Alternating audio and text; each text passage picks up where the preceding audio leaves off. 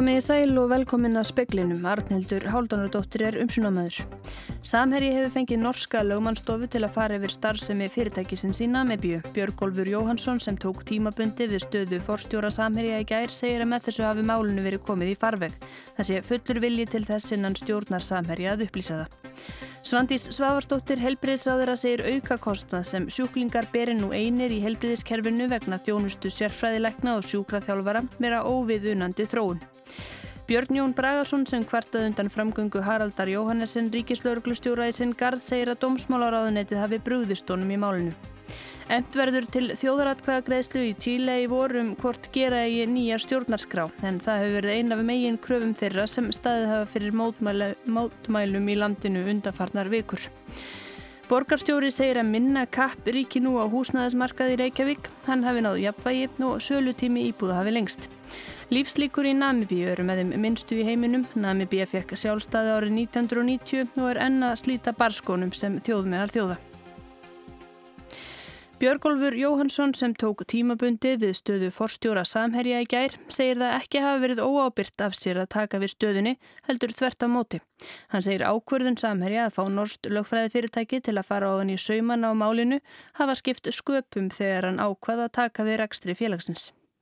Forsendan fyrir því er einfallega svo að það er búið að ráða fyrirtæki ellendis frá til þess að skoða þetta mál.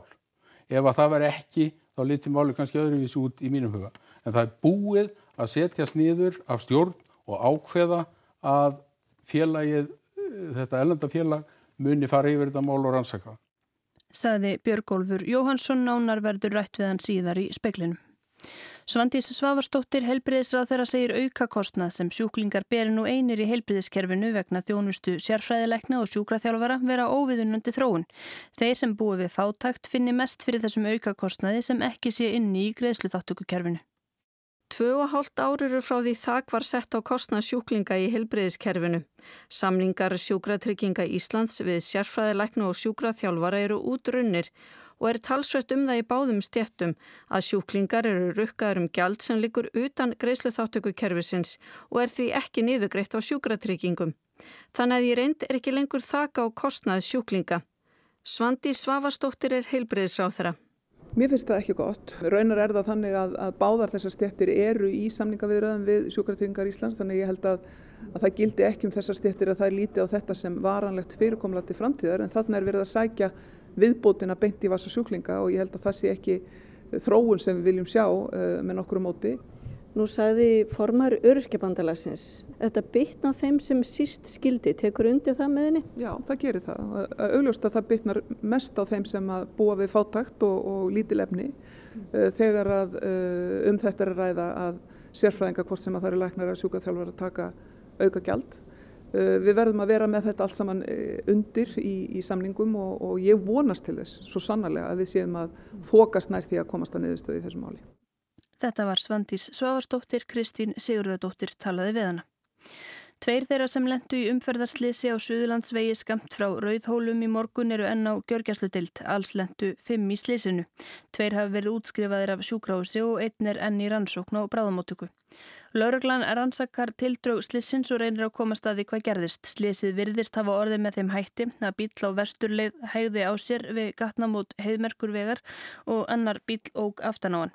Lauruglan telur að flutningabíl sem var á sömu leið hafi hægt á sér eða stoppað aftan við hýna bílana. Annar bíl sem kom úr gagstaðri átt virðist hafa lenda á vinstra horni flutningabílsins. Laurugla á Vínlandsleið óskar eftir vittnum að slissinu. Rannsókn þess stendur enn yfir, ekki búið að ræða við alla sem lendu í slísinu. Sölutími íbúða er orðin lengri og fastegnamarkaðurinn í Reykjavík hefur náð ákveðnu jafnvægi að sögn borgarstjóra. Uppbygging fjölbreyttra íbúða í borginni skipti þar miklu máli. Dagur B. Eggertsson, borgarstjóri, fór yfir uppbyggingu íbúða í Reykjavík í ráðhúsinu í morgun. Þar kom fram að um 2000 nýjar íbúðir eru vendanlegar í sölu á næstu mánuðum. Dagur segir að sölutími íbúða hafi breyst nokkuð. Já, hann er orðin eh, lengri en hann var fyrir tveimur árum en þá var hann líka óvenju stöttur þannig að markaðurinn er komin í miklu betra jafnvægi núna. Fólk getur gefið sér aðeins tíma til þess að skoða. Samhliða uppbyggingunni hefur íbúum í Reykjavík fjölgað. Trátt fyrir það er ekki jafn mikið kapp á húsnæðismarkaði og var fyrir nokkrum árum og má segja að markaðurinn hafi náð nokkur í jafnvægi. Þar kemur þessi uppbygging í borginni stert fram. Húsnæðismarkaðurinn orðin mikið heilbreyðari en uh, ég leini því ekki að líkil atriði í að verði heilbreyðari fyrir alla er þessi miklu þróttur í uppbyggingu verkalýssefingarinnar og vegum bjargs fyrir þá sem hafa læri teikjur, stúdenta, uh, eldri borgara og svo auðvitað uppbygging okkar fyrir þá sem þurfa félagslegt húsnæði. Það sem ég er svo stoltur af varðandi þessa uppbyggingu er þessi mikla breytt. Þetta er húsnæðisuppbygging fyrir alla. Saði Dagur B. Eggertsson, Andri Irkill Valsson tók saman. Afgreðsla dómsmálaráðuneytisins á embættisferlum Færslum Haraldar Jóhannessen, ríkislauruglustjóra, er allsendis ófullnægjandi og ekki til þess fallin að leiða máli til lykta. Þetta segir fjölmiðlamadurinn Björn Jón Bragason sem telur ráðunitið hafa brúðist sér í málinu. Umbósmaður Alþingis krafði dómsmálaráðunitið skýring á því hvers vegna Haraldur Jóhannessen var ekki ámyndur fyrir framgöngu hans kakvart Byrni Jóni og Sigurði Kolbinsinni. Þrátt fyrir að ráðunitið hafði talið að hún var í ámælisverð. Ráðunetti svaraði umbósmann í lók oktober og bar því við að Haraldur hafi gengist við miskjörðum sínum og lofað bót og betrun. Af þeirri ástæðu og til að geta meðalhófs hafi Haraldur ekki hlutið áminningu. Björn Jón mótmælir þessari skýringu ráðunettisins í brefi sem hann hefur sendt umbósmanni. Segir í brefinu að umrætt mál sé svo alvarlegt að það verði ekki afgreitt einvúrðungu á grundvelli meins miskilnings ríkislauruglustjóra eða óheppilegs orðalags. En fremur segir Björn Jón að fregleg afskipti ríkislauruglustjóra af engarlífi hans hafi verið til þess fallin að vekja ugg og óta um óljósar aðgerði lauruglu sem kynna vera framundan og beintus gegn honum. Segir Björn Jón að ráðunetti hafi brúðist honum í málinu og afgjörsla þess sé alls endis ófullnægjandi og ekki með nokkur móti til þess fallin að leiða máli til lykta. Í samtali við fréttastofi staðfestir Sigurður Kolbjörnsson að hann hafi einnig skrifað umbósmanni bref vegna málsins hefur Sigurur bóði Haraldi að skrifa einlagt afsökunabref sem ekki er rítað á brefsefni ennbættis ríkislauglustjóra. Verði Haraldi við því fyrir 18. desember lítur hann svo á að málunin sé lokið að öðrum kosti verði umbósmanni gert viðvart. Magnús Geir Ejjólfsson saði frá. Stjórnvöldi Tíle fjallust í nótt á að efna til þjóðaratkvæðagreðslu um stjórnarskrá landsins. Mikil mótmæli hafa verið í Tíle undanfarnar vikur og hefur þar verið einn megin krafan að gerð verði ný stjórnarskrá. Mótmælinn í Síle snérust í fyrstu um hækkun á fargjöldum í jarlæstir en hafa snúist upp í miklu meira þar á meðal viðtakar umbætur á ýmsum sviðum og nýja stjórnaskrá. Gildandi stjórnaskrá er frá 1980 frá valdati Augustus Pinochets einræðisherra en henni hefur nokkrum sinni verið breytt í gegnum tíðina. Mótmælendur hafa meðal annars gaggrínt að í henni sé ekki ákveðum að ríkinu beri skilda til að tryggja landsmönnum mentun og heilbreyðustjónustu og krefjast þess að slikt ákveðu verið sett í nýja stjórnarskrá. Þjóðaratkvæðagreislan verður í apríl á komandi ári og þar verða kjósendu spurðir að því hvort er vilji nýja stjórnarskrá og ef svo hvernig skuli staðið að gerð hennar. Ekki var einhugur um málið á þingi en sátt náðust eftir langar og strangar samningaviðræður. Gonzalo Blumel, innarrikisráðrað Síle, sagði þegar niðurstaða lág fyrir að þetta væri sögulegt fyrsta skref að nýjum samfélagsáttmála sem þjóðin hefði fórustu um að móta. Kristján Róbert Kristjánsson sagði frá. Veiðar eru hafnar á íslenskri sumargótsíld og fimm skip eru nú að veiðum djúft úti af Reykjanesi. En finnst síking í íslensku síldinni og viðbúið að svo verði á komandi árum. Fyrsti farmurinn af íslensku sumargótsíldinni kom á landi lok síðustu viku og nú eru flest uppsjáaskip sem eiga síldarkvota farin til veiða söðvestur af Reykjanesi. Þar á meðal er Áskrimur Haldósson skip skinneðir Þinganes. Sigbjörn Guðjónsson er stýrimaður á Áskrimi. Já, þetta er okkar, okkar fyrsti túr hérna. Við erum hérna á fríja halli. Það með einhvern veginn dæp 600 tónn. Sea-King hefur verið í stopni í íslensku sumargótt síldarinnar undanfærin ár og í þeirri síld sem nú er búið að landa til vinslu hefur mælst Sea-King. Heldur minna samt en á síðustu vertíð. Guðmundur Óskarsson, fiskifræðingur hjá Hafrannsóknarstofnun, segist þá til rannsóknar sín úr þeirri síld sem nú veiðist. Þá hafi stopnunum verið í síldarleiðangri fyrir austan og sunnan land nýlega og enni eftir að vinna úr þeim rannsóknum. Síkingin hafi farið minkandi í fyrra en Guðmundur segir líklegt að það verði síking í stopnunum stopninum næstu ár. Síldarkvotin á þessu fiskveið ári er rúm 32.000 tonn og stýrimaðurinn á áskrimi haldósinni telur það ekki verði vandamálan á þeim afla. Já, þetta er náttúrulega lítið kótar en ég er alveg bjassin að við náum ná þessu kótum hérna, það verður ekki vandamála held ég. Þetta var Sigbjörn Guðjónsson, Ágúst Ólafsson tók pistilinn saman. Samherji hefur fengið norska lögmannstofu til að fara yfir starfsemi fyrirtækisins í Namibíu. Björgólfur Jóhansson sem tók tímabundi við stöðu forstjóra Samherja í gær segir að með þessu hafi málinu verið komið í farveg. Það sé fullur vilji til þess innan stjórnar Samherja að upplýsa það.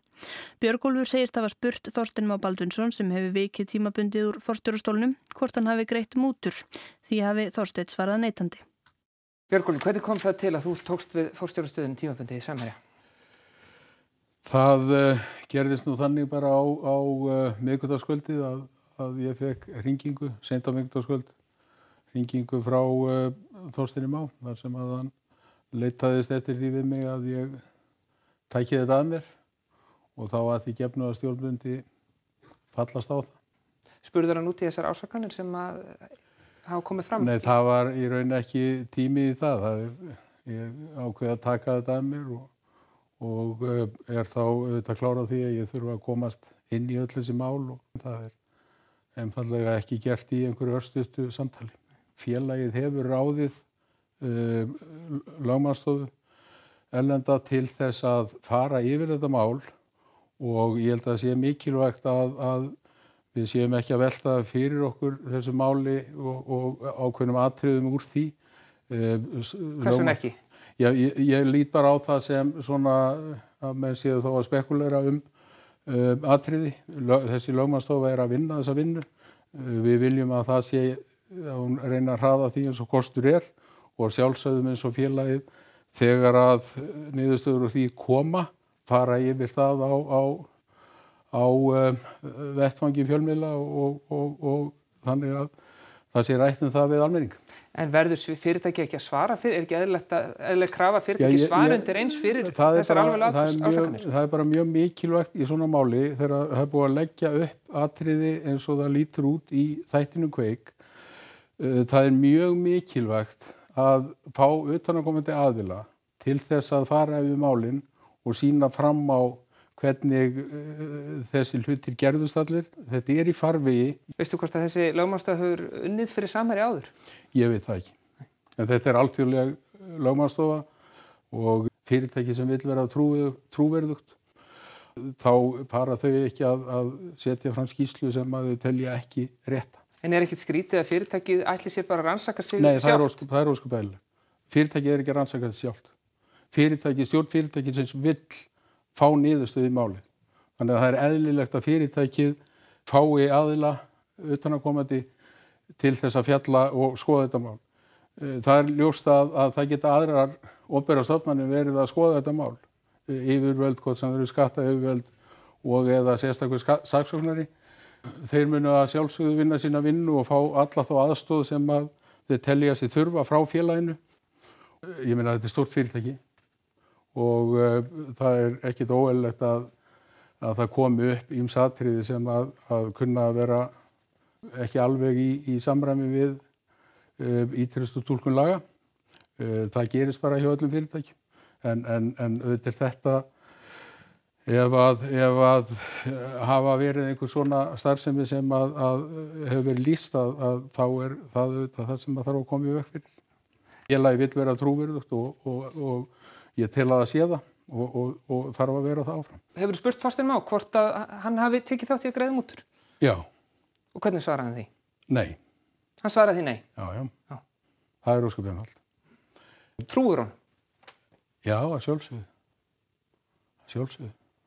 En telur þú, já, er hreinlega ábyrgt að þér sem að, til dæmis reyndum forstjóra hjá, hjá einu stærsta fyrirtæki í Íslands, er ábyrgt að þér að ganga inn í forstjórastjól hjá fyrirtæki sem situr undir svona gríðarlega alvarlegum ásökunum já. og vita ekki uh, Gó, sjálfur hvað, hvað er hæft í þeim? Góð spurning. Eða, hvernig málunum líkur, líkur nákvæmlega? Það er ósköp einfalt að þetta fyrirtæki er stórt félag á íslenska vísu og ég myndi að telja það óábyrgt að, að hafna því að koma að því að, að stýra félaginu við þessar aðstæður þó að sé ekki nema bara til að reyna að, að aðstóða þá félagið að halda starfsmönnum fókusera á sína vinnu.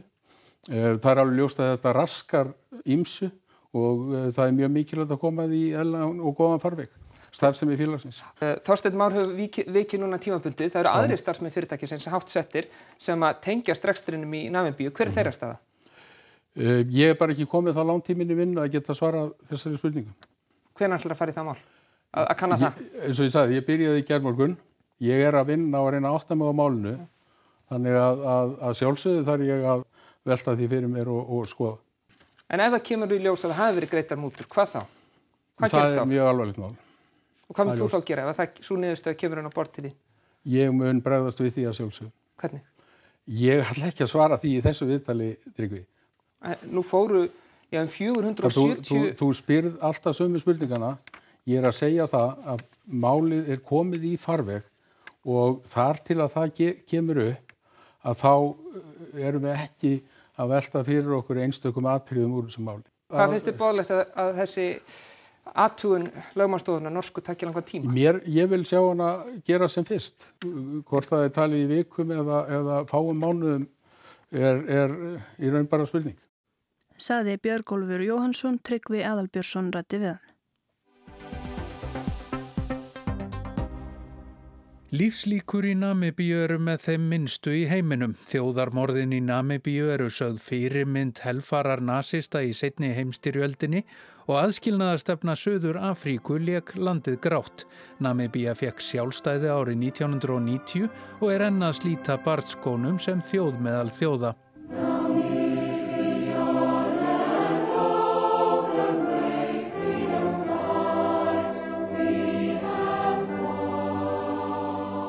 Namibíja landina hugrökku sem sigruðu í sjálfstæði stríðinu. Þjóðsöngurinn var tekin upp 1991 eftir sigur í sjálfstæði stríðinu gegn Suður Afríku. Áður hafðu þjóðsöngar landsins verið á Þísku og fjallað um landið í Suðvestri.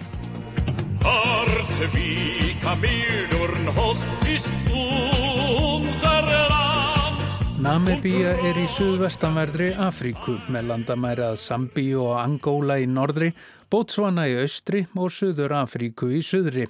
Namibíja hlaut sjálfstæði frá Suður Afríku 21. mars 1990 eftir sjálfstæði stríðið.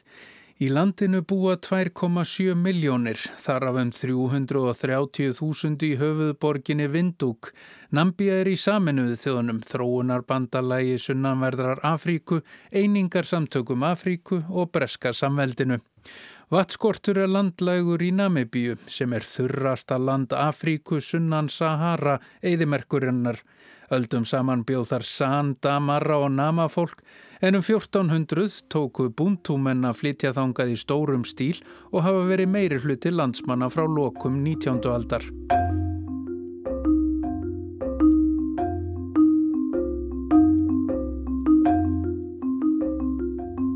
Árið 1878 lagði breska nýlendan á góðravonarhöfða undir sig Valvísflóa og Pengvineyjar í núverandi Namibíu sem erðu hluti af Suður Afríku árið 1910. Árið 1884 stopnuðu þjóðverjar nýlenduna Suðvestur Afríku á megnuna af því landsvæði sem nú tilheyri Namibíu. Stjórn þeirra var alræmd á árunum 1904 til 1908 með þjóðarmorði á Herero og Nama-fólkinu.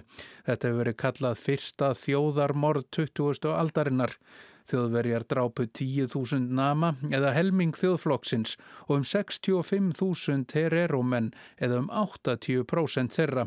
Framferði þjóðverja var einstaklega ómannúðlegt og sumir sakfræðingar hafa sagt að þjóðarmorðin í Namibíu hafi verið fyrirmyndin að helfur nazista í setni heimstyrjöldinni.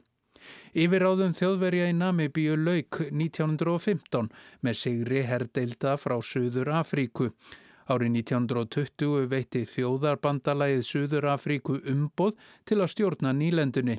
Kinnþáttalög voru smám saman tekin upp og eftir að þjóðarflokkurinn komst til valda árið 1948 var aðskilnaða stefnan apartheid einnig tekin upp í núverandi Namibíu.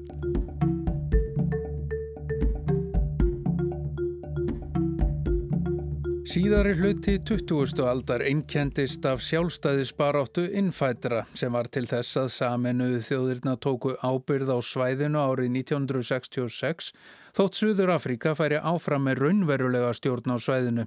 Saminuðu þjóðirnar álíktuð árið 1968 að nafn landsinn skildi vera Namibíja í samræmi við vilja þjóðarinnar og ári síðar álíktuðu samtökin að stjórn Suður Afríku og hersetta þeirra í Namibíu væri ólögleg. Árið 1973 viðukendu samennuðu þjóðunar South West Africa People's Organization eða SWAPO sem opimberan fulltrúa namibísku þjóðarinnar. Undir fóristu Svapo helt skærulega hernaður og sjálfstæðisbaráta áfram með stuðningi frá Sovjetríkjónum og bandalagsríkja þeirra en Suður Afríka naut aðstóðar frá vesturveldunum. Stuðningur við Suður Afríku meðal alþjóða samfélagsins fór stöðugt þverrandi og Namibíja fekk að lokum fullt sjálfstæði frá Suður Afríku árið 1990 eftir harða baráttu. 97% kostningabæra kusu í fyrstu kostningum Namibíu og Svapo fekk 57% atkvæða og reynan meiri hluta á þingi. Svapo hefur fengið meiri hluta í öllum kostningum frá sjálfstæði.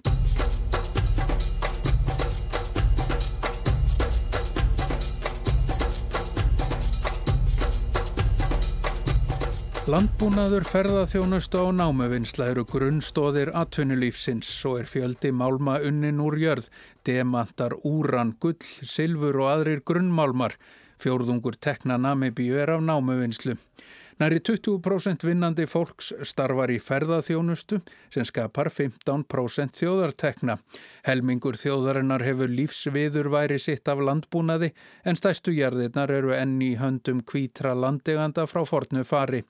Namíb Eidimörkin, sem landið dregur napsitt af, næri yfir stóran hluta Namibíu og því er landið eitt það strjálbílasta í veröldinni. Atvinnuleysi er útbreytt og er næri þriðjungur landsmanna án vinnu. Bilið á milli ríkra og fátækra er mikill. Ríkustu 10% landsins fá yfir helming þjóðartekna en 18% þjóðarinnar er undir hungurmörkum. Enska er opimbert tungumál sem notaður í skólum og stjórnsýslu þótt einungis 3% þjóðarinnar tali hana innan vekja heimilisins.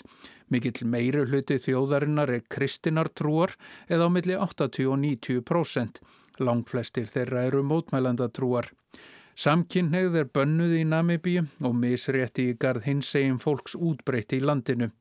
Sangvænt nýleru könnun hefur þriðjungur kvenna orðið að þóla ofbeldi af hendi maka og sama könnun leiðir í ljós að 30% karla telja í lægi að beita konu sína líkamlegu ofbeldi. Vattskortur er landlaugur og í 300 skólum landsins er engin klósett aðstæða með rennandi vatni. Helmingur barnadauða er rækinn til skorts á vatni og reynlæti. Fjórðung barnadauðans má rekja til niðugangs. Klósett eru sjálfséður munaður og aðeins á færi þeirra efna meiri. Lífslíkur í Namibíu eru með því minsta sem gerist í heiminum.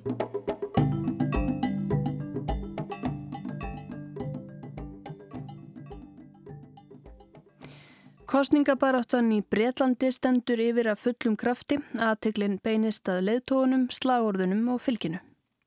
Allt er því að þröndir og þrjú orð virðast líka vera haldreipi íharsflokksins undir fórustu Boris Johnson fórsetsráð þeirra.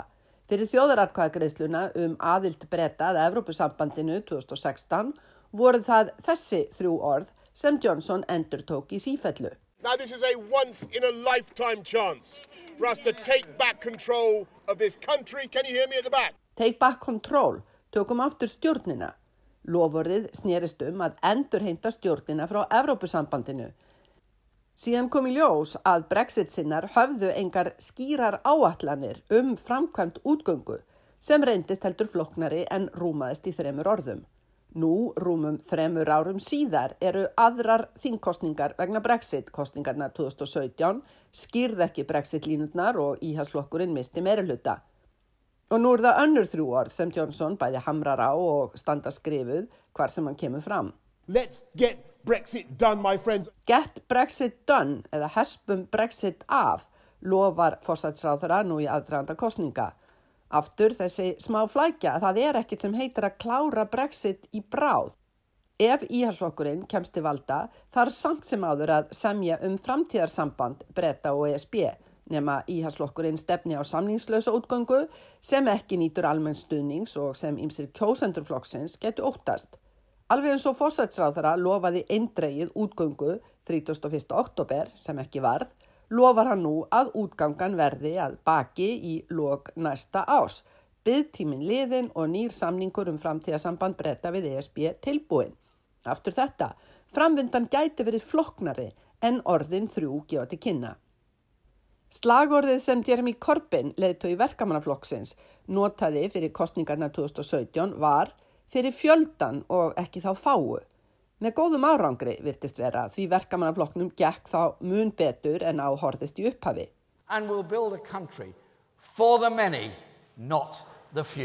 Nú er tími til alvöru breytinga eða þannig er slagorðið sem stendur og allu kostningaefni verkamannaflokksins. Hvít letur á rauðum bakgrunni hvar sem því verður við komið, hvort sem er á rútunni sem flokksleiðtóin ferðast í eða á ræðustólum frambíðanda flokksins. It is now time for real change. Thank you.